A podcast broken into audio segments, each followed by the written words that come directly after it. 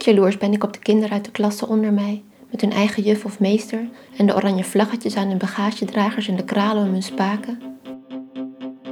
Zij hoeven niet te haasten en kunnen alles hier op het plein nog gewoon doen zonder te bedenken dat het de laatste keer is. Ik zou er wel een stolp overheen willen zetten, zoals oma doet met de koekjes in de voorkamer, zodat er geen vliegen bij komen en geen lucht, zodat alles langer goed blijft.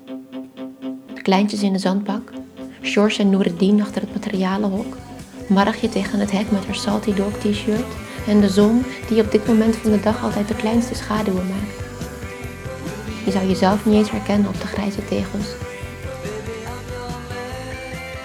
Op gekleurde vellen papier moeten we vragen invullen en die gaan ze dan aan elkaar nieten tot een boek.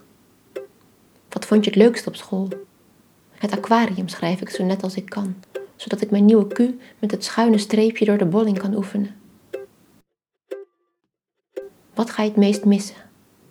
Vicky. Wat wil je laten worden? Hoefsmid.